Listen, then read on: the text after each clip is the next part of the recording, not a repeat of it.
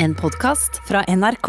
Anne Holt er en av landets mest elskede forfattere. Holt er utdanna advokat og har tidligere jobba som nyhetsanker i Dagsrevyen på NRK, som politifullmektig i Oslo og som justisminister i Norge. Holt debuterte som forfatter i 1993. Siden det har hun skrevet en drøss bøker, solgt nærmere 12 millioner eksemplarer og mottatt en rekke priser.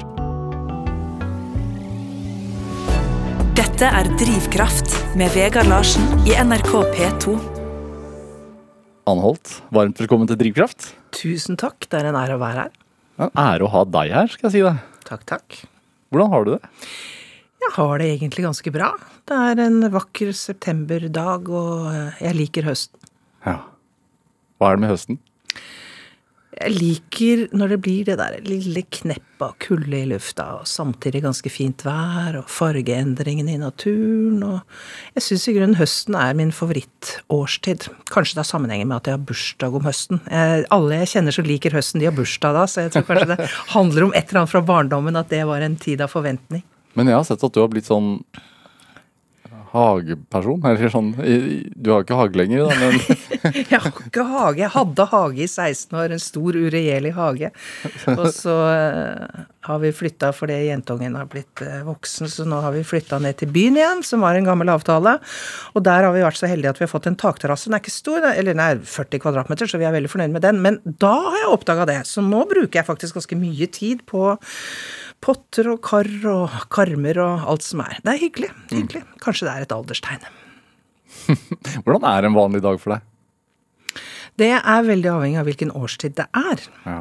Eh, våren, altså fra eh, altså senvind, altså fra 2. januar fram til sankthans, så har jeg normalt veldig hektisk skrivetid. For det er da jeg rent fysisk skriver ut bøkene mine. Høsten, de er jeg vanligvis eh, Da jobber jeg vanligvis med å drive research, eh, tegne plott tenke, diskutere, i det hele tatt ha det veldig fint. Men nå forsøker jeg å snu på det kalenderåret mitt, årshjulet mitt, sånn at jeg egentlig skulle vært i en veldig aktiv skrivefase nå. Jeg sliter fryktelig med å få det til, må jeg være ærlig. Hvorfor snu det? Fordi at det er uhensiktsmessig både for meg og for forlaget mitt at jeg leverer et manus på, ved sankthans. Det betyr at han stakkars redaktøren min er nødt til å sitte og jobbe en del gjennom sommeren, og at det blir litt sånn heseblesende. Eh, så vi er alle enige om at eh, det hadde vært fint om jeg klarte å snu det. Men om jeg klarer det, det vet jeg ikke. Ja, fordi vanligvis så Altså, det er ca. én bok i året. Ja, ca. en bok i året. Og vanligvis så kommer jo den nå på høsten. Ja. Så når uh, Tom Egeland, Unni Lindell, Jo Nesbø og sånn, nå har de sluppet bøker? Ja, så har jeg hoppet over et år. Ja, du sitter og ser på. Jeg sitter og ser på, og akkurat det er jo helt nydelig. For det første så var det jo helt vidunderlig å ha den våren jeg fikk. Eh, for jeg bestemte meg sånn i begynnelsen av februar at nei, vet du, da var jeg veldig godt inne i, inne i en ny bok, men eh, nei, behøver jeg egentlig strengt tatt å gjøre dette? Vi hadde nettopp flyttet, og mye hygge, og ungen hadde flyttet hjemmefra, jeg nøt å plutselig være tilbake i sånn tosomhet igjen, og tenkte trenger jeg egentlig å komme ut med bok hvert år? Og svaret på det er jo et rungende nei, det trenger jeg ikke. Så våren ble veldig fin. Altså du trenger ikke av økonomiske årsaker? Nei, men jeg trenger ikke det av noen årsaker. Det er ikke nødvendig for folk å få en annen holdbok hvert år. Og det er heller ikke Det er for så vidt ikke nødvendig for folk å få en annen holdbok i det hele tatt, men, men, men, eh, men, jeg trenger det ikke økonomisk, eller vi trenger det ikke, og, og, og jeg hadde lyst på en vår hvor jeg ikke satt innestengt og skrev. Mm. Uh, og det fikk jeg, og det var helt nydelig. Hva gjorde du da, da?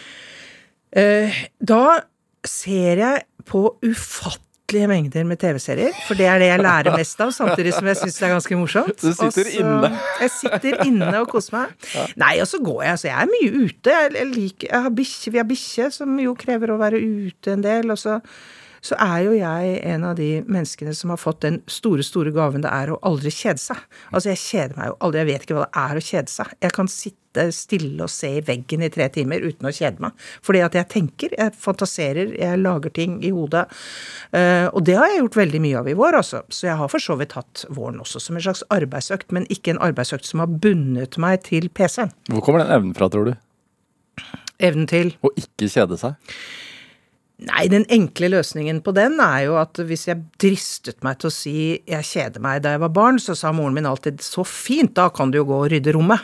Uh, så jeg venter meg av med å si det. Uh, men, uh, men, ellers så tror jeg det kommer av en litt sånn overaktiv fantasi og en, en, evne jeg er takknemlig over, som går på å um, å kunne være veldig til stede, uh, uten at det er noen andre til stede. Altså jeg kan være veldig til stede i meg selv, helt uten andre rundt meg. Og det syns jeg er veldig behagelig. Uh, jeg liker veldig, veldig godt å være alene. Ja. Jeg liker å tenke. Det er jo noen som sier det at jeg forstår ikke at man orker å være aleine. Mm. Jeg, jeg, skjønner ikke at man ikke trenger å være aleine ganske stor del av tiden. Eh, jeg, jeg, går ut fra at noe av det er rent genetisk, men jeg tror også at noe av det har med liksom erfaringer man har gjort og, og, og liv man har levd å gjøre. Jeg syns i hvert fall det er eh, utrolig deilig å være alene. Og jeg trenger ikke, jeg trenger ikke noe stimuli når jeg er alene. Altså Jeg trenger ikke engang en bok, jeg trenger ikke å se på en film. Jeg trenger ikke, jeg trenger ingenting. Jeg kan sitte og se i, i veggen, eller sitte på en benk i parken og se ut i lufta. Um, det er en veldig fin egenskap å ha, da. Det er en veldig praktisk egenskap å ha. ja. fordi det, det, betyr jo at du, du blir jo vanligvis ikke lei av å vente på folk, f.eks. Og du blir, ikke, du blir ikke lei av dødtid, fordi at du kan bruke enhver dødtid til, å, ja, til noe konstruktivt. Ja. Er det Jeg innledet jo den praten her med en sånn intro om det. Når jeg, når jeg ser den, så så tenker jeg jo suksessfull. Mm. Hva er ditt forhold til det? Til suksess? Nei, altså, jeg, er veld, det er veldig dobbelt. Jeg ser ikke Altså, når jeg ser på mitt eget liv, det gjør jeg ikke så ofte, men hvis jeg ser på mitt eget liv, så føler jeg liksom at um, profesjonelt så er det jo ikke spesielt Altså, jeg opplever det ikke som spesielt suksessrikt, at jeg husker jo også alle nedturene. Mm. Jeg husker all dritten som følger med å være en, en, person som alle skal mene noe, bare, ikke bare om bøkene mine, men også om meg. Og, og jeg syns ikke min profesjonelle karriere i og for seg har vært noe suksessrikt. Jeg tenker at hvis man skal snakke om suksess, så da ser jeg mer mot liksom folk som gjør noe for menneskeheten. Da tenker jeg sånn folk som jobber i Røde Kors, eller gjør noe for kreftforskningen, eller sånt, og det er suksess suksessrikt. Mens, mens jeg opplever jo på mange måter at jeg har vært jeg har vært veldig, veldig, veldig heldig de siste 25 årene av mitt private liv. Og jeg føler at de siste 25 årene av mitt private liv, det er i grunnen godt nok til at jeg opplever at når jeg dør, så kan jeg se tilbake på dem og føle at det var mødan verd. Hva vil det si å være heldig i det private? Jeg jeg, jeg, jeg, traff kona mi for 25 år siden, i disse dager faktisk. Eh, og, eh, Gratulerer. Takk. ja. og, og, vi giftet oss relativt raskt. Og jeg opplever at Og jeg var 40 år. 39-40 år. Og jeg, jeg, jeg, opplevde vel at livet mitt tok en vending bort fra noe jeg opplevde kunne bli ganske fælt, og til noe jeg opplevde ble og er veldig fint. Mm. Uh, og jeg kom plutselig i en livssituasjon der jeg Hva skal man si? Der jeg, jeg følte en, en, en, forankring og en balanse. Og har vel også kommet fram med årene til at jeg er egentlig en som hele tiden søker balanse. Og, og da jeg ble invitert til dette programmet og liksom tenkte på liksom, hva er egentlig drivkraften min, så klarte jeg ikke helt å identifisere det før jeg, jeg kom til at drivkraften min er alltid Jeg vil være i balanse. Jeg vil være i harmoni. Mm. Og det betyr på mange måter å ta alle elementene i livet mitt og plassere på en vekt som gjør at den blir helt lineær. Mm. Og det opplevde jeg at det var en mulighet jeg fikk da jeg traff henne. Og som jeg ikke hadde, absolutt ikke hadde hatt før det. Altså som en du sier det kunne gått Du sa du var på vei et sted hvor det så mørkt ut? Ja, jeg var veldig på vei et sted det, det så ganske mørkt ut. Altså, det, det var jeg. Jeg var uh, Jeg var i veldig Altså, jeg vil ikke kalle det psykisk ubalanse, men livet mitt var i veldig ubalanse. Jeg skjønte ikke helt hva skal jeg, hvor vil jeg? Um, eksistensiell ubalanse? Veldig eksistensiell ja. ubalanse som jeg nok hadde kjent på store deler av mitt voksne liv eller kanskje til og med helt fra puberteten. Og det er veldig viktig meg, for meg å, å, understreke at det har ingenting med min legning å gjøre, eller eh, det at det, liksom, en erkjennelse av at jeg var lesbisk å gjøre. Overhodet ingenting med det å gjøre. Det har mer med hvilke valg man treffer, og hvilke mennesker man blir utsatt for, og, og, og hvordan man får til livet sitt. Jeg klarte, jeg, jeg følte fram til jeg møtte Tine, følte jeg at jeg jeg fikk til en del ytre ting. Mm. Jeg hadde liksom Jeg hadde stor arbeidskapasitet. Jeg, liksom fikk veldig tidlig jobb i Dagsrevyen, og der i gamle dager så var det jo sånn at du, du De tok inn fire-fem sommervikarer, og så fikk én eller to fortsette. Og jeg var blant dem, sånn at jeg liksom følte at det fikk jeg til. Og jeg fikk til studiene ved siden av, og jeg fikk en rimelig juridikum, og, og jeg liksom Jeg følte at det, de der ytre tingene var veldig på plass, men jeg følte at, veldig sterkt at det indre i meg var i en Var på et veldig eh, Om det ikke var på et mørkt sted, så var det på et veldig sånn trist sted. Um, og Og det jeg, Nei, jeg vet ikke helt. Um, det er, det er egentlig litt vanskelig å snakke om, for jeg har aldri snakka om det sånn offentlig før. Men det er sånn um, Det er av og til altså man, man snubler jo mye i klisjeer, særlig når man er forfatter, så må man prøve å unngå det. Men det er noe med at i noens liv så kommer man til noen punkt hvor det er nesten som universet griper inn. Altså, jeg er ateist og tror ingenting på noe sånt, men jeg opplevde at da jeg traff Tine, så, så var det akkurat som universet grep inn og sa ok, nå har du vært på et mørkt og fælt sted så lenge at nå, herfra og ut, skal det bli en dans på roser. Hvilket det definitivt ikke ble. Det ble definitivt ikke en dans på roser, men det ble i hvert fall noe det var verdt å jobbe for. Er det Altså som en yin-yang-ting? Altså sånn Ja. rett og slett? Ja. Sånn- Yin, yang, zen, kall det hva du vil. Jeg kan ingenting om de greiene der. Nei. Men det der ha balanse i livet mitt, balanse mellom det som utfordrer meg, det som trygger meg, eh, det som er morsomt, det som er trist. Liksom prøve å plassere alle elementene i livet mitt på en måte som gjør at det står stille. Det er jo Når du forklarer det, så, så forstår jeg det, men det er jo så lite håndfast også.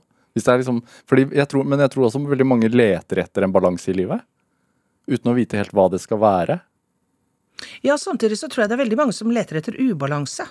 Eh, og jeg har jo noen av de trekk, personlighetstrekkene som ofte kjennetegner de som liker å være i ubalanse, altså stridbare mennesker. ikke sant, Som liker å gå inn i konflikter og liker å krangle. eh, som jeg kjenner en hel haug av, sånne mennesker. Og Og jeg du- elsker dem. ikke sant, Jeg syns det er morsomt med folk som er så stridbare. Ja, du er det jo selv Og jeg også. er jo det selv òg. Og det har ført meg opp i veldig mye ubehagelige ting. Mm. Fordi eh, jeg kan ruse inn i en konflikt, og så står jeg midt i konflikten, og så, og så føler jeg Hvorfor gikk jeg egentlig inn i dette? Jeg, jeg, jo, fordi jeg tror på det jeg sier, og jeg mener at det er viktig, osv., osv. Men, men jeg kommer i ubalanse av det. Mm. Så når du sitter hjemme og fyrer deg opp på Facebook, som du jo gjør ofte jeg, jeg forsøker jo ikke å fyre meg opp. Jeg, jeg, jeg prøver å være jeg, bruker Facebook til, som et sted til å gi uttrykk for noe, og forhåpentligvis få i gang noen tanker hos andre, og i og for seg få i gang noen tanker hos meg selv også. Men jeg, jeg forsøker virkelig ikke fyre meg opp. Jeg er ikke sånn som sitter og skriver, og så sender. Jeg alt jeg skriver på Facebook, skriver jeg først på Windows, altså først på et Words-dokument. Ja. Og så leser jeg gjennom det, og så setter jeg det inn. Ja. Fordi at jeg vil, jeg vil ikke ha den derre bom, bom, bom, bom, bom. Jeg vil at jeg skal tenke gjennom før jeg setter det ut der. ja, det, det burde flere gjøre. For Ja, å si det det. tror jeg flere burde gjøre. Altså Når jeg svarer på kommentarer, så gjør jeg ikke det. Da går jeg rett inn. Men, men når jeg legger ut et innlegg, så har jeg alltid kladda det først. Mm. Jeg er veldig tilhenger av kladding. Altså jeg kladder bøkene mine. Og jeg, jeg kladder også mitt eget liv. Altså, Hva vil det si? Å kladde sitt eget liv, det er at eh, jeg, nettopp fordi at jeg er en person som ruser så inn i ting, ja. så har jeg lært gjennom disse 25 årene at det er ikke så innmari lurt. Det er lurt å stoppe lite grann og tenke seg om. Og jeg får det absolutt ikke til hele tiden, eller jeg får det vel egentlig sjelden til, men hvis jeg klarer å kladde livet mitt litt, liksom sette meg og tenke hvis jeg gjør det, så skjer det og det. Hvis jeg gjør det, så kanskje noe annet skjer. Hvis jeg klarer å gjøre det, så blir jeg mye mer i balanse. Altså, er det bare å tenke gjennom før man prater, eller er det Ja, litt å tenke gjennom før man prater, men kanskje litt mer sånn aktivt og planlagt tenke gjennom før man prater. ja. Uh, Har du et eksempel? Uh, nei, men jeg kan illustrere det ved det at jeg tror at jeg er en person det er ekstremt vanskelig å samarbeide med for de aller fleste. Hvorfor det? Fordi jeg, jeg er en som tenker kjapt, finner ut hva jeg tror er den beste løsningen, og godt er godt nok for meg. Godt er godt nok. Sånn at jeg finner en løsning. Og da forstår ikke jeg at ikke alle de andre ser at min løsning er den beste. Uh, og, og, det er jo en veldig håpløs måte å komme fram til et resultat på. Mens da, for å bruke kona mi som eksempel, Jeg skal ikke bruke henne som eksempel hele tiden, men det hun har lært meg som Eller hun har ikke lært meg det, for jeg kan det ikke. Men det jeg ser hun gjør, for hun er leder for en stor bedrift med mange ansatte, mm. og det hun sier er at alt er en prosess, Anne. Alt er en prosess. Du kan godt ha et mål der fremme, men det, det målet betyr ingenting hvis ikke du klarer å få alle disse menneskene med deg dit. Og det er ikke engang sikkert at du klarer det, men du kan kanskje komme halvveis hvis du forsøker å få med deg de andre. Og det er en prosess som jeg skjønner at sånn må ledere fungere. Sånn kan ikke jeg fungere. Jeg kan det rett og slett ikke. Så, men jeg prøver, og jeg prøver å kladde livet mitt sånn at jeg kan bli litt flinkere til det. Og så detter jeg ut i grøfta. Var du, var du lydhør for den endringen, personlighetsendringen for 25 år siden? Var det en prosess, det? Ja, jeg vil vel kanskje ikke si at det er en personlighetsendring, men det er også å aksentuere andre deler av ens egen personlighet. Altså, det er klart, Jeg tror nok at vi mennesker er født med ganske store egenskaper, ganske vide spektre av personligheter. Men så av ja, miljø, litt arv, miljø, eh, påvirkning på alle måter, så, så på en måte utvikler vi de egenskapene som vi der og da føler at lønner seg. Og det var jo det jeg hadde gjort. Jeg hadde utviklet de egenskapene som jeg fikk umiddelbar kred for. ikke sant? Være litt sånn storkjefta, være veldig aktiv innenfor politikken, eh, holde på med skolepolitikk, Operasjon Dagsverk, alt mulig sånt noe. Fordi det ga umiddelbar belønning. Mm. Eh, du ble sett, ikke sant. Og så føler jeg vel at jeg på et eller annet tidspunkt fant ut at det er ikke den belønningen jeg er ute etter. Det er en, det er en belønning som, som, ikke har gitt meg noe særlig. Det er, det er som å spise sukkertøy. Altså, men, det er godt akkurat da, men det er ikke godt etterpå. Men det fant du jo ut etter at du hadde blitt sett? Ja, men hva er det den måten man ønsker å bli sett på? Det er jo det som er problemet. ikke sant? Er det, er det, vil du bli sett for det du er flink til? Ja. Eller vil du bli sett som det mennesket du er? Uh, og, og, jeg tror ikke du kan oppnå begge deler med samme taktikk. Jeg tror at noen mennesker kan oppnå begge deler, men da bruker de to forskjellige taktikker på det. Mens jeg har vel kanskje kommet til at jeg har ikke evnen til å å klare begge deler, og da må jeg på en måte prioritere den ene. Og det er jo grunnen til at jeg melder meg helt ut med jevne mellomrom. Altså, Av og til så jeg helt, går jeg helt ut av offentligheten. Deaktiverer Facebook. Bare er meg selv og mine nærmeste. Og det betyr en bitte liten håndfull med venner, storfamilien og familien min. Uh, og det, da må jeg gjøre det for å på en måte komme tilbake i den balansen som jeg har snakket om hele tiden. Ja. Hvor liker du deg best, da? Hvor jeg liker meg best sånn geografisk? Nei, i forhold til de, de to uh... jeg, jeg, jeg, vet ikke hva jeg kan si om, om, hva jeg liker best. Jeg tror jeg trenger begge deler. Uh, hvis jeg absolutt skal gradere dem, så syns jeg vel kanskje den siste, altså hvor jeg egentlig bare surrer rundt med noen få mennesker, at det er det jeg liker best. Altså det er da jeg er mest tilfreds, da. Ja, ja. Det er jo Altså, når man tenker på deg, så tenker man jo en tøffing. Og det er du jo. Men, men, men, de som kjenner deg, de sier jo også at uh, Anne Holt er veldig følsom og snill og stiller opp 100 ja, det var jo veldig pent sagt, det vet jeg ikke om jeg er, men følsom er jeg definitivt. Altså I den forstand at jeg lar mye gå inn på meg, og jeg, og jeg prøver å se mine nærmeste. Og, og, noen av mine nærmeste har jo gått igjennom helt forferdelige, forferdelige opplevelser og, som, som, jeg er nødt til å være sensibel i forhold til. Eh, men det var en gang for mange, mange år siden, jeg var ganske ung, og det var veldig få som så meg ordentlig. eh, så var det en venninne av meg på studiet som sa det at egentlig så er du et barskt persilleblad. Eh, og det syns jeg kanskje dekker det veldig ja. Et barskt persilleblad. Altså at jeg, jeg er tilsynelatende barsk, altså, men så er jeg ikke det egentlig. Men kanskje er jeg begge deler. Det, jeg tror nok at den gangen så, så, trodde jeg at jeg var begge deler på en Eller at jeg var begge deler på en gang, men jeg tror at jeg er begge deler, men i litt forskjellige situasjoner. Mm. For jeg kan jo være barsk, og jeg vet jo at jeg altså, jeg vet jo at folk kan oppfatte meg som det, og jeg, jeg har jo den der forferdelige trangen til å si akkurat det jeg mener. Uh, og det er jo ikke nødvendig uh, hele tiden, men det klarer jeg ikke å slutte med. Hva skal til? Jeg, jeg klarer det ikke. altså akkurat det klarer Hvis, hvis noen kommer og spør meg om, no, om de syns, jeg syns noe er pent eller stygt, ja. og jeg syns det er stygt, så sier jeg det er stygt.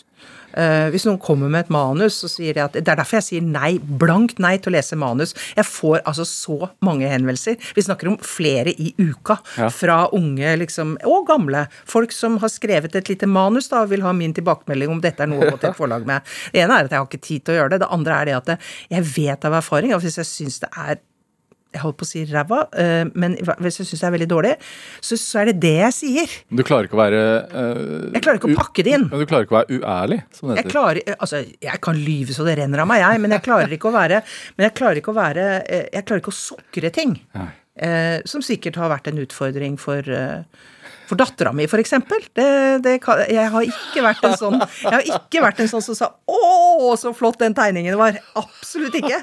Så jeg syntes den var stygg, så sa jeg 'Den der behøver vi kanskje ikke henge på kjøleskapet'. Men hun har blitt en skikkelig tøff cookie, da. Dette er Drivkraft med Vegard Larsen i NRK P2. Og i dag er forfatter Anne Holt gjest i Drivkraft her hos meg på NRK P2. Det, du er født i Larvik, men du flytta ganske tidlig til Tromsø. Var Nja. Jeg var født i Larvik, så flytta vi til Lillestrøm, så bodde vi der i ti år. Oh. Og så flytta vi til Tromsø. Så jeg kom til Tromsø som tiåring. ja. Ja. Hvor lenge bodde du der? Til jeg var 19. Ja. Hvordan var den overgangen? Uh, jeg syns den var helt forferdelig, for å være helt ærlig. Jeg husker det veldig godt. Kom opp dit, kom fra Lillestrøm. Uh, og dette var jo i De hadde jo ikke engang bestemt seg for at universitetet skulle bygges. Og hvorfor dro dere? Fordi faren min skulle bygge et universitet. Ja. nei da. Eh, det var ikke derfor. Det var, faren min ble, ble bestyrer på Nordlysobservatoriet, Mm. som jo var en sånn kjerneinstitusjon da universitetet senere ble bygd. Så vi skulle være der i ett år, som ble to år, og så kom universitetet, og så ble han rektor der. Uh, ja, og så ble vi der, eller ble familien min der. Men jeg husker veldig godt hvor vanskelig det var den gangen å komme opp dit og ha en annen dialekt. og uh, føle meg litt sånn Nei, jeg, jeg, jeg jeg hadde det skikkelig gøy da jeg gikk på gymnaset. De to siste årene på Kongsbakken videregående, eller Tromsø gymnas som det het den gangen, det var to fine, formative år. Men bortsett fra det, så ser jeg ikke på tiden i Tromsø som noen god del av livet mitt. Det gjør jeg ikke. Fordi at du ikke fant tilhørighet, eller? Ja, kan hende det er det. Jeg, jeg har aldri egentlig villet gå litt ordentlig Jeg har aldri liksom gått ordentlig inn i det, eh, hvorfor det var sånn. Men det er vel kanskje at eh, Nei, jeg, jeg vet ikke. Jeg bare tenker tilbake på det og, og ser at det Men jeg hadde det fint i den tiden. Altså, jeg hadde det veldig fint uh, jeg har, jeg har en bror som jeg er veldig glad i, og som vi har alltid vært veldig nær hverandre, til tross for at det er fire år mellom oss. Det er mye når man er barn. Jeg hadde, vi var i Larvik to måneder hver sommer gjennom hele barndommen hos farmoren og farfaren min. Det er noen av mine lyseste minner. Jeg hadde en far som du ikke kunne ønske deg bedre. Litt mer komplisert forhold til mora mi, men eh, hun hadde i hvert fall skaffet seg en veldig god mann å lage barn med. Eh, og, uh, og skaffa meg en veldig flott bror. Så jeg, jeg ser tilbake på barndommen min som ganske lys. Var hun streng og han snill? Nei, det gikk ikke på det. Det gikk på helt andre ting. Moren min lever fortsatt, men hun er veldig dement. Men jeg opplever veldig sterkt at så lenge hun lever, så skal ikke jeg snakke så mye om henne.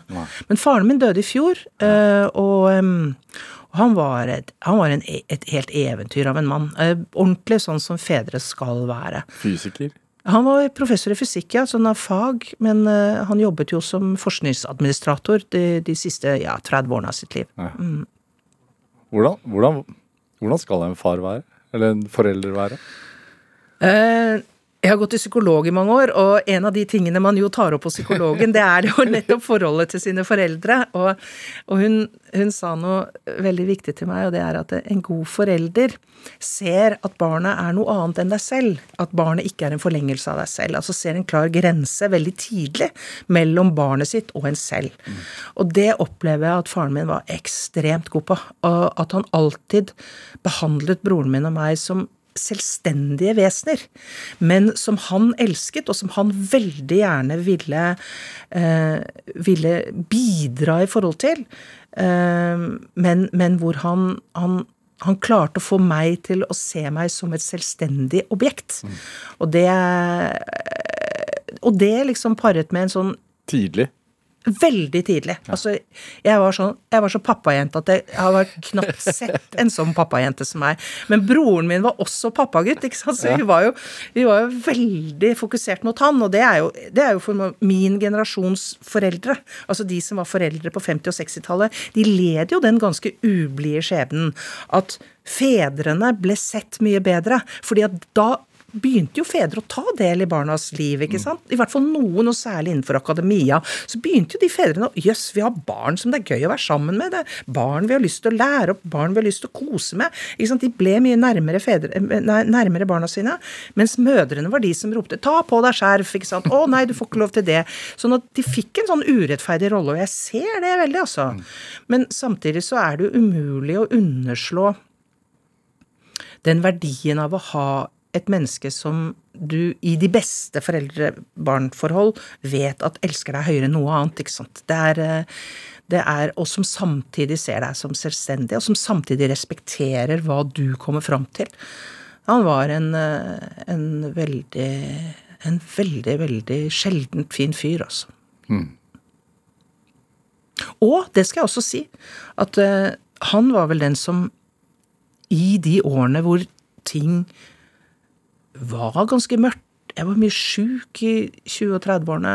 Eh, Hva slags syk? Nei, jeg, var, altså, jeg, måtte jo gå av som justisminister fordi at jeg måtte fjerne livmoren. Det var underlivsproblemer som hadde plaget meg gjennom helt siden puberteten. Helt forferdelige, ja, ja. helt forferdelige underlivsproblemer som også er deprimerende å ha, fordi at det er så upraktisk og det er så smertefullt. Og hver måned? Ja. Og så fikk jeg hypotyreose, som er en sånn stoffskiftesykdom som hvis den er uoppdaget, så fører det til at du Ja, du blir ganske deprimert av det. Ja. Sånn at det var masse sånne ting som, som han var en Og jeg hadde jo samboere i hele denne perioden, kjærester i hele denne perioden, men jeg følte liksom at det eneste jeg hadde som et sånn stødig punkt, det var han, altså. Mm. Hvor ofte pratet dere, da? Veldig ofte. Ja. Altså, helt fram til faren min døde, så snakket vi sammen på telefon hver dag. Absolutt hver dag. Jeg snakket også med han den siste dagen han døde. Snakker du med han ennå? Det gjør jeg. Men nå begynner jeg å gråte, så nå må vi slutte med det. Ja. Er det blir man mer nostalgisk jo eldre man blir? Åh, oh, ja. Og pandemien hjalp jo ikke på. Nei. Altså, jeg merka liksom to måneder, to måneder inn i pandemien så merket jeg at jeg begynte å gråte bare jeg så en sånn barnehage på tur. Eller så på de bitte små barna og tenkte åh, skal de leve med dette her resten av livet? Og jeg gikk og strigret at jeg kunne ikke gå tur med bikkja uten at jeg kom gråtende hjem. Ja. Så jeg merker altså det har gått hull på øynene mine. Altså, det er nok en del alder. Og så, og så, er det det at jeg tror nok den pandemien gjorde noe også med oss som i og for seg likte det rent personlige med å være så mye alene og være så mye innestengt, ja. eh, som for meg var helt uh, midt i blinken. Men, men, men, det er klart at det, det gikk utover uh, det gjorde oss nok, nok litt mer emosjonelle, men jeg syns ikke det er så ugreit, egentlig. Du, jo, du har jo fått honnør for å være den som har satt best ord på hvordan vi opplevde pandemien da, i en kriminalroman. Eh, også faktisk i, i siste boka di, 'Ellevte manus'. Ja, så den, noe, noe, bra førte det jo til. Ja, den rosen må jeg si at den satte jeg veldig stor pris på. For, særlig fordi det er så mange som har sagt det. Uh, og, og, det handler om at jeg tror nok at uh, altså, pandemien for meg ble et litt sånn antroposofisk, det er antropologisk studie. Altså, jeg, jeg liksom, hvordan, er det vi, er, hvordan er det vi mennesker agerer når, når vi kommer i en sånn situasjon? Jeg syns det var utrolig interessant. Og jeg gleder meg veldig til å lese de forskningsrapportene som faktisk sier noe om det. Ikke bare sier noe om liksom, det medisinske ved det, men sier noe om hvordan bygde vi, hvordan bygde vi våre hus, vår, altså våre hjem, ja. våre familier på den tiden. Når vi får det på avstand. Mm. Anholdt, uh når vi først har blitt litt emosjonelle, uh, skal vi spille litt Eva Cassidy, eller? Ja, det syns jeg vi skal gjøre. Uh, du har med låten 'Feels of Gold'. Egentlig en Sting-låt. Det er en Sting-låt, ja. Hva, hvorfor skal vi spille dette her? Fordi det er en av de aller vakreste kjærlighetssanger jeg vet, og fordi det handler om det liv, sånn som jeg tolker det. Eller det er ikke bare sånn som jeg tolker det, Sting har sagt det selv. Uh, at det handler om den livslange kjærligheten. Det handler om den som begynner når man er ung, og som slutter idet man kanskje skal dø ganske snart, og så har man hatt dette lange forholdet. og så Fields of Gold, som hentyder til rugåker Nei, byggåkre er det. Det er Barley byggåkre. Det er liksom For meg så er det veldig Vestfold. Jeg elsker Vestfold. Er vi i Larvik nå igjen? Er, ja, og kona mi er fra Sandefjord, så vi, og vi har hus i Larvik nå, så uh, vi er liksom Det er Vestfoldlandskapet er vårt landskap. Så det er, en, det er en kjærlighetssang som jeg identifiserer meg sterkt med, og som skal spilles i begravelsen min, har jeg bestemt. You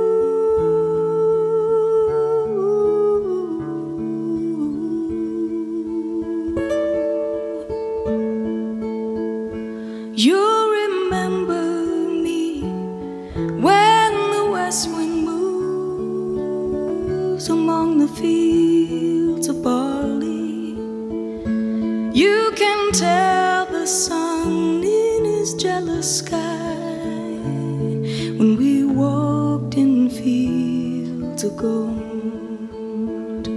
So she took her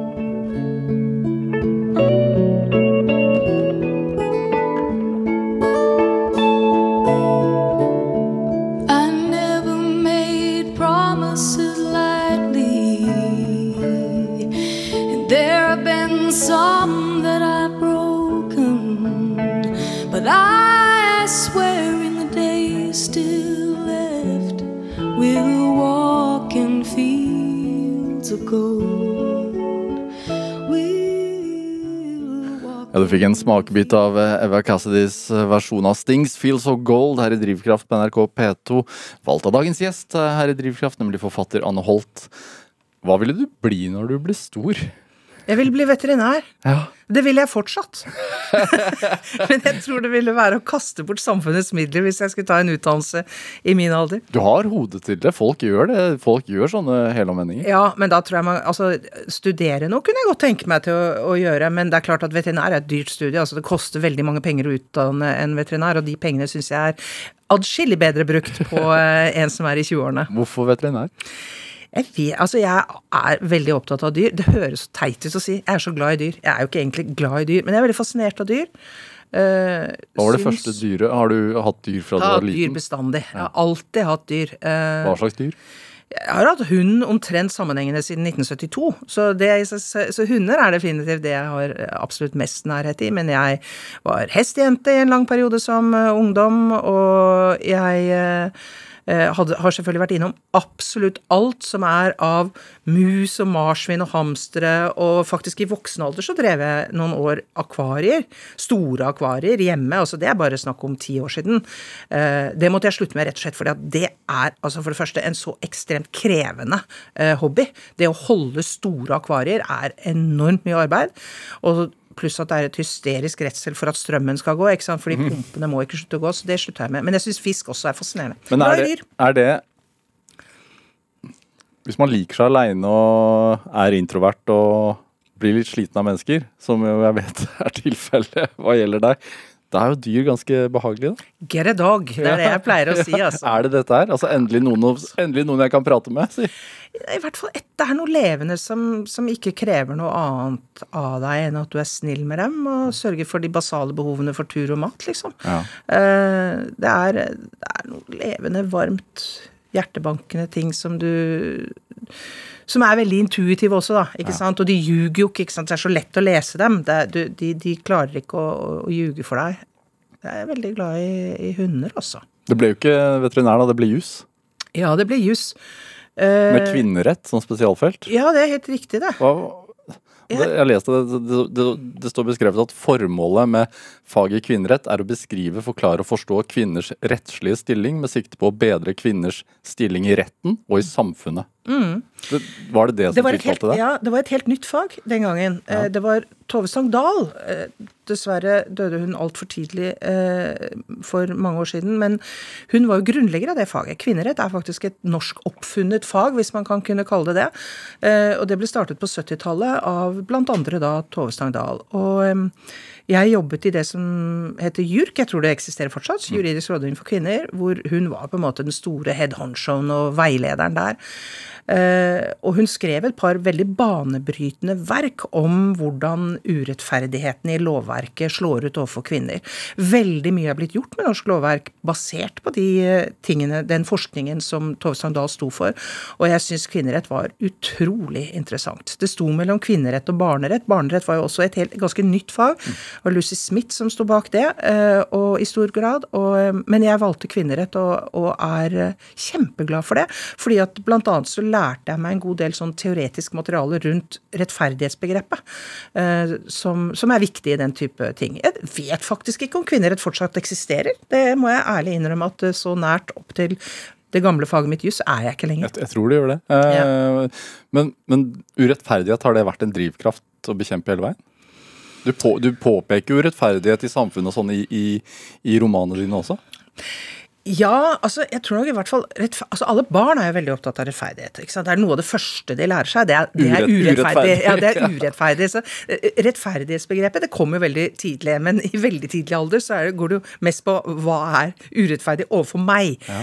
Men etter hvert så utvikler man, seg, utvikler man jo et veldig sånn rettferdighetsbegrep. Og så når man blir voksen og hvis man går inn og lærer litt mer om det, så vet man jo at det finnes en hel haug med forskjellige typer rettferdighet. Altså hva er det vi ønsker? Ønsker vi en fordelingsrettferdighet, eller ønsker vi f.eks. en resultatrettferdighet? Hvis det er resultatrettferdighet man er opptatt av, ja da må man forskjellsbehandle folk. Eh, og, og, og det er interessant, men og alle, jeg, i likhet med går jeg ut fra de aller fleste andre nordmenn, vil jo helst ha en rettferdig verden, et rettferdig land osv. Men at det skal være noe sånn driv... Jeg skulle ønske jeg kunne si at det har vært en drivkraft, men det kan jeg egentlig ikke påstå. Men du ble jo journalist også. Ja, jeg ble journalist også. Det var, det var derfor jeg tok jussen. Fordi at jeg ville bli journalist. Ja. Eh, Hva, hva, hva, hvorfor det? Var det for å avdekke Den gangen, altså nå snakker vi jo da sent 70-tall, begynnelsen av 80-tallet, så var det faktisk ganske mange journalister, særlig her i NRK, som ikke var utdannet journalister. De var historikere, de hadde, var nordister, ikke sant. Se på en som sitter her. Ja. Ikke sant? Altså det, det, var jo veldig vanlig. Eh, nå er det jo mer at du også har, i hvert fall kanskje bare, men også i tillegg har journalistutdannelse. Men da, da, da var det noen som sa til meg at uh, juss, det er jo egentlig læren om liksom, hvordan samfunnet bygges opp av regler. Og, og, og det å kunne juss er en veldig sånn fin innfallsvinkel til å forstå maktstrukturer. Så jeg tenkte at det var et lurt fag å ta for å bli journalist. Men jeg var jo ikke journalist i mer enn i ja, seks, syv, åtte år eller noe sånt. nå. Nei, men Du kom jo til toppen på et vis, da, fordi du var nyhetsanker på Dagsrevyen. Kom litt fort til toppen, kanskje det er det. Men jeg var ikke noe god journalist, altså. Jeg, jeg likte veldig godt å, å være liksom sånn jeg, Svein Bryn og jeg vi var redaktører i Helgemagasinet da de ble startet, og vi fikk lov å være det i et helt år. Og det er sånn luksusredaktøransvar, ikke sant. Du sitter og skal lage eh, ingen andre tilbud til folk på lørdagskvelden enn akkurat det, ikke sant. Så vi hadde jo vanvittige seertall. Og det var en form for journalistikk som jeg syntes var morsomt. Men liksom det der å drive og grave i andres liv og sånn, det syns jeg var så pinlig. Og jeg, nei, jeg, jeg jeg tror at jeg skal Både jeg og journalistikken skal være glad for at jeg sluttet med det i tide. Ja, du debuterte jo i 93. Det var jo og, med, med 'Bling gudinne', en suksessroman. Den ble jo også TV-serie. Eh, den handlet jo også om maktstrukturer. Ja. Eh, korrupt E-tjeneste. Hvor kom ideen til det? Da hadde du jo, da hadde du jobbet i politiet og Ja, altså jeg, jeg, jeg, Når folk spør meg hvor kommer ideene fra til bøkene dine, så, så tenker jeg at det er mer Det er ikke det at ideene kommer til meg, men det er det at jeg bruker noe så helt grassat med tid på å lese nyheter og følge med i hva som skjer. Og det som veldig ofte har skjedd, uten at jeg på noen måte skal påberope meg å være en snåsamann, det er at når jeg skriver en bok, så skjer det samme et år eller to senere. Og det er ikke fordi jeg er synsk. Det er fordi at det, man ser linjene i samfunnet. at oi, hvis dette går riktig ille, så skjer det. Fordi at jeg skrev jo 'Blind gudinne' før Lund-kommisjonen. Og så kom Lund-kommisjonen, som handlet om veldig mye av de samme tingene som jeg hadde skrevet om i 'Blind gudinne'.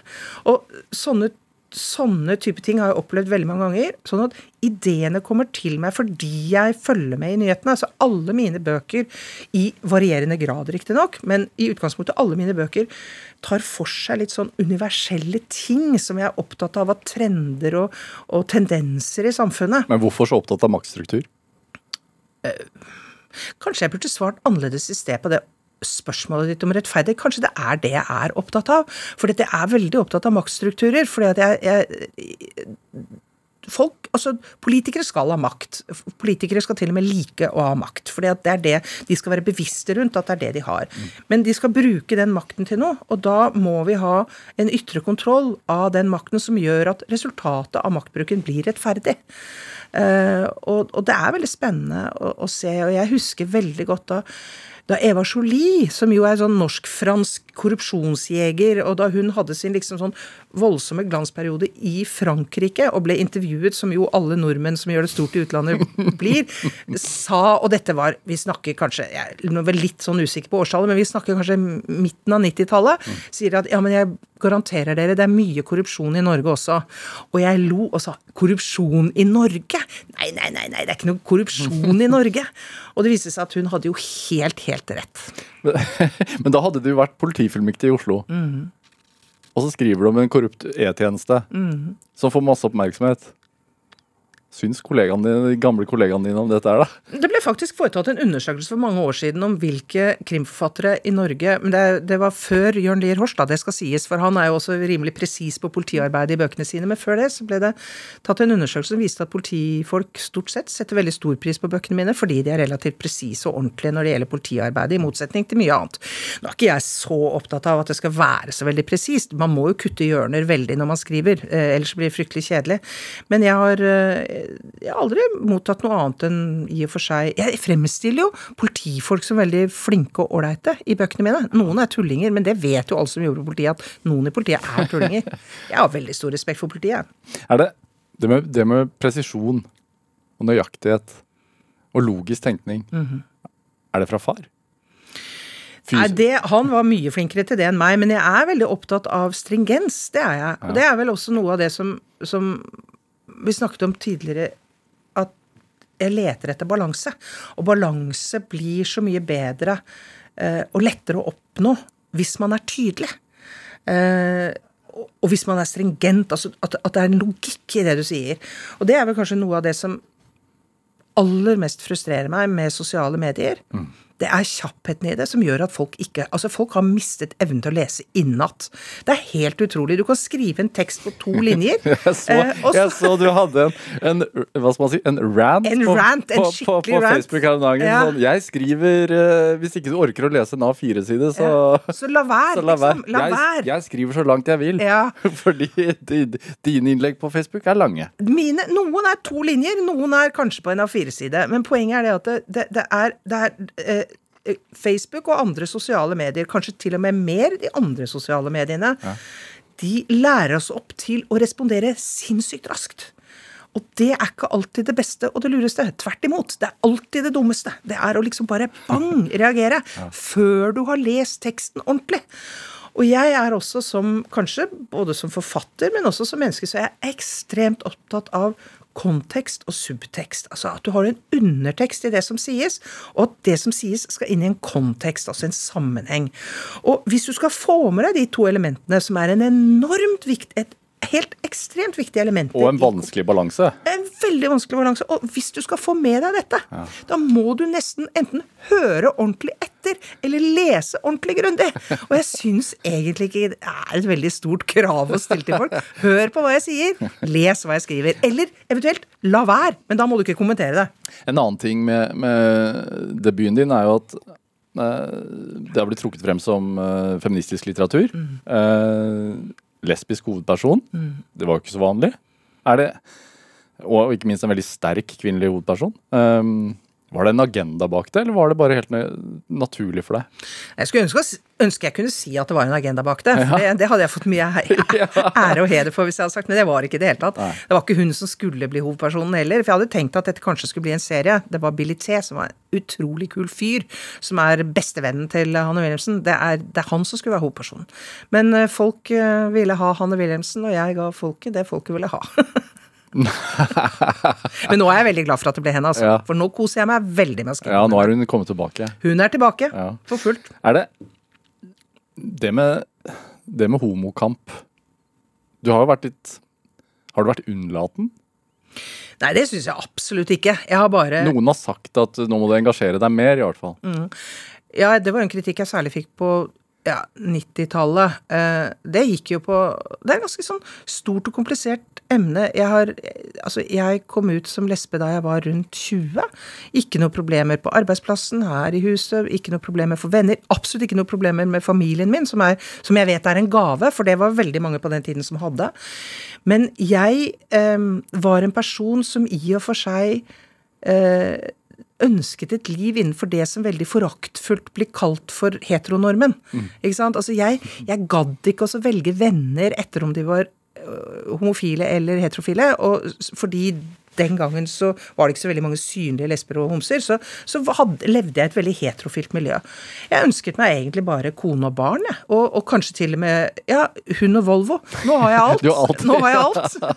Selv Volvoen har jeg hatt i mange, mange år, eller forskjellige Volvoer. Og små kasser med urter. Og små kasser med urter. Så, altså, og det, det var Alle minoritetsbevegelser har hatt den utviklingen. Det behøver ikke å bety at det er galt. Det kan hende at det er nødt til å være sånn. Altså en ganske militant start. Hvor, du, hvor det fordres at hvis du skal være med i den bevegelsen, så må du være sånn, sånn, sånn og sånn. Altså det er veldig skarpe grenser for hvordan du har lov å oppføre deg. Jeg passet ikke inn i den normen. Og jeg fikk ekstremt mye pepper for det. Eh, Så mye pepper at jeg, da jeg giftet meg, måtte sitte i debatten her i NRK og diskutere med lederen av den daværende homobevegelsen. Fordi han mente at jeg fortjente ikke å gifte meg fordi jeg ikke hadde engasjert meg i at partnerskapsloven skulle gå igjennom. Eh, Det var en helt absurd situasjon å være i. Eh, Allerede da hadde jeg skrevet en hel haug av disse bøkene. Jeg var vel sju Anne Wilhelmsen-bøker jeg hadde ute per dag. Jeg fikk om ikke daglig, så i hvert fall ukentlig brev, det var det man snakket om den gangen, brev um, fra folk som fortalte om hvor viktig dette var for dem. Det var aldri noe de hadde lagt skjul på. Jeg ville bare ikke være med i den gjengen, fordi at jeg følte meg ikke hjemme, og jeg følte meg ikke velkommen i den gjengen. Så det var en sånn derre Men alt det der, det er vann i havet nå. Jeg har det beste forholdet til alle homser og lesber og jeg kjenner i verden. Eh, og jeg syns pride er en fantastisk ting. Jeg er glad for at det nå skal komme i gang. Men jeg kommer aldri til å gå i den paraden. Nei. Hvorfor det? Jeg kan jo ikke like folk, jo! Det har jeg jo snakket om i en time nå. Altså, Å gå i tog Jeg vil jo heller skyte meg i begge kneskålene enn å gå i et tog. Jeg har prideflagg på terrassen min, da. Dette er Drivkraft med Vegard Larsen i NRK P2. Og i dag er forfatter Anne Holt her hos meg i Drivkraft på NRK P2. Hva tenker du om at vi er så veldig opptatt av å være lykkelige? Jeg tenker at det er ganske Altså, dette må jo folk bestemme selv, men jeg ser ikke på lykke som en tilstand. Jeg ser på lykke som et bitte lite blaff som du i løpet av en brøkdel av et sekund kan oppleve noen få ganger i året, kanskje. I året? Ja. Kanskje litt oftere, men ikke ofte. Det jeg søker, er tilfredshet. Altså den gode, balanserte tilfredsheten. Hvor du føler at du har ro i sjela, og at du ikke har noe usnakket med noen av de du er glad i. og at det ligger en, kanskje en blank, fin helg foran deg hvor du kan gjøre hva du vil sammen med dem du liker. og det er, det er, det er en tilfredshet. Men er ikke det lykke, da? Nei, det er ikke lykke. Lykke, altså Hvis man har opplevd lykke, så vet man at det ikke er lykke.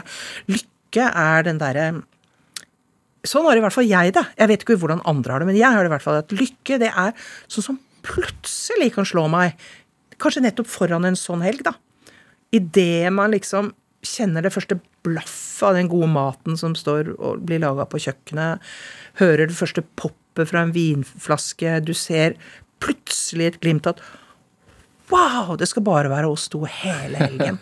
Da kan du kjenne et sånn nesten adrenalinkick. En sånn plutselig skudd av adrenalin som bare wow, blows your mind. Det er lykke. Ja. Og det, det er sjelden. Men det er jo så uendelig mye enklere å oppnå tilfredshet. Det er jo noe det går an å nå. Jeg tror det hadde vært veldig veldig, veldig, veldig slitsomt å gå rundt og være lykkelig hele tiden. Og så har eh, kona di invitert noen til middag. Det vil hun aldri finne på å gjøre uten å varsle meg seks uker i forveien. Vi har ofte middagsgjester, altså. Vi har det. Men eh, da er jeg om bord. Er det? Men er du lykkelig når du skriver, da? Jeg er veldig lykkelig når jeg setter punktum. da er jeg lykkelig. Da er jeg veldig lykkelig. Altså, min gode venn Yang Guillou pleier å si at eh, Nå kan jeg dø, sier han, når han har liksom satt punktum. Fordi man vet at da kan det som ligger der Redaktøren kan fikse det som er ufikst. ikke sant? Da er du ferdig, og da er tross alt det året med jobbing ikke bortkasta. Da, det så, ville vært så tragisk å dø før du hadde skrevet de ti siste sidene, ikke sant? for da var alt bortkasta. Tør redaktøren å fikse noe på deg? Ja, altså jeg har, en, jeg, har, jeg har hatt mange redaktører gjennom mitt liv, eh, og jeg har faktisk bare hatt gode redaktører. Eh, varierende, selvfølgelig, men veldig gode redaktører. Men han jeg har nå, han har, klart å, han har jeg hatt gjennom de siste fire bøkene mine. Eh, og han er, til han er han er også mye yngre enn meg. Og det, er jo, det var helt sånn sjokk å få en yngre redaktør. Det er da man skjønner at man virkelig er blitt gammel. Uh, og, og jeg må si at uh, han har klart å manøvrere seg inn i en posisjon hvor han kan få meg til å gjøre nesten hva som helst, altså, fordi jeg har tillit til han. Ja, men det tok noen bøker før jeg fikk den posisjonen til han, og det, det er jo noe av det som jeg syns i altfor liten grad blir eh, fokusert på når det gjelder eh, forfattervirksomhet. Da. Det er det at eh, Som er mitt absolutt beste råd. Du skal aldri høre på noen andre når du skriver en bok. Aldri la Ikke ha referansegrupper. Ikke la folk liksom si noe om, om er dette bra. Ikke send det til en berømt forfatter for å få henne eller ham til å lese det. Ikke gjør det. Du skal høre på én person, og det er redaktøren din. Men han eller hun skal du høre veldig godt på. Hva skal til for å få din tillit, da? Vise det over tid. Hvor lang tid? Det varierer. Det er jo noen jeg får tillit til med en gang, men eh, i så intimt arbeid som det er å jobbe med en bok, så tar det litt stund. Men jeg var veldig, veldig innstilt, da.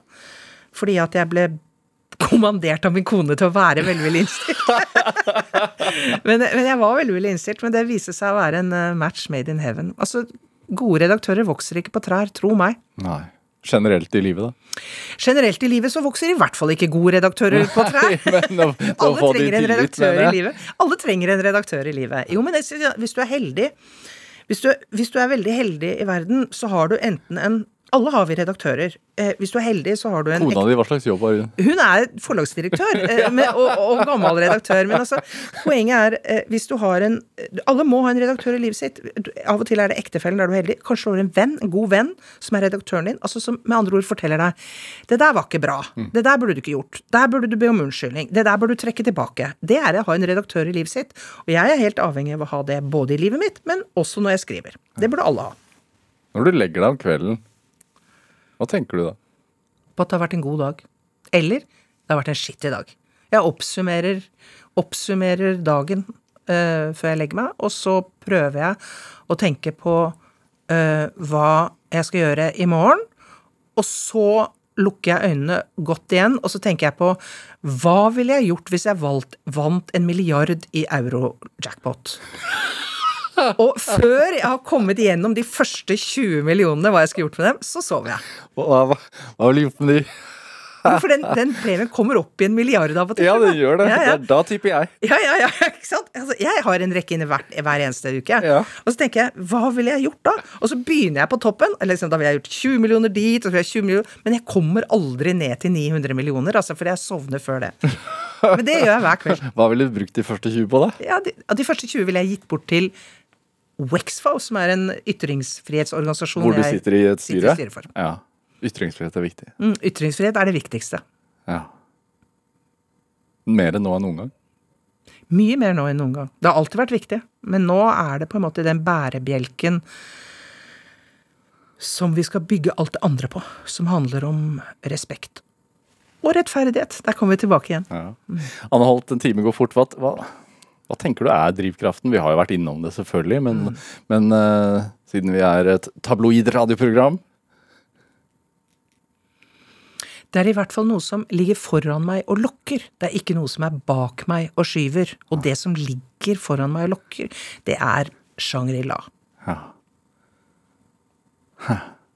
Og det er det som Men det er, det er, det er, det er ikke noe bestemt. Lykkeland. Anne Holt, tusen tusen takk for at du kom hit til Drivkraft. Tusen takk Og, for at og lykke til med skrivingen, da. Takk, takk. Det Det, er trenger jeg. høsten. Det kommer til å bli en helt annen type roman. Ja, kanskje det. En punktroman. Diktsamling. Ja, kanskje det. Lykke til i hvert fall. Fint Tusen å ha deg her. Hør eh, flere samtaler i Drivkraft på nrk.no. Eller i appen NRK Radio. Send oss gjerne ris og ros og tips til mennesker du mener har drivkraft. Send den e-posten til drivkraft, krøllalfa, nrk.no. Vi hører veldig gjerne fra deg. Produsent i dag var Kjartan Aarsand. Men dette, dette var Drivkraft. Jeg heter Vegard Larsen. Vi høres igjen i morgen. Du har hørt en podkast fra NRK. Hør flere podkaster og din NRK-kanal i appen NRK Radio. En podkast fra NRK. Sjåførlærer og familiefar Helge Irgens blir funnet død hjemme en sommernatt. I utgangspunktet så det ut som et helt naturlig dødsfall. Så blir Irgens obdusert. De hadde sett at lungene var litt røde, og derfor hadde han tatt en prøve eh, for å se om det var kullost. For det er typiske tegn det er det at lungene blir rosa. Så finner politiet spor på en PC. Det var så mye. Det var hvordan smaker rottegift i kaffen, hvordan forgifte med frostvæske, hvordan kan du sprøyte inn eh, gift i blodårer. Altså, jeg søkte på, på suicide, og jeg søkte på kullos, og søkte på kill. Hvorfor ligger den personen her? Hvorfor er han død? Hvorfor døde Helge Irgens? hører du først i appen NRK Radio.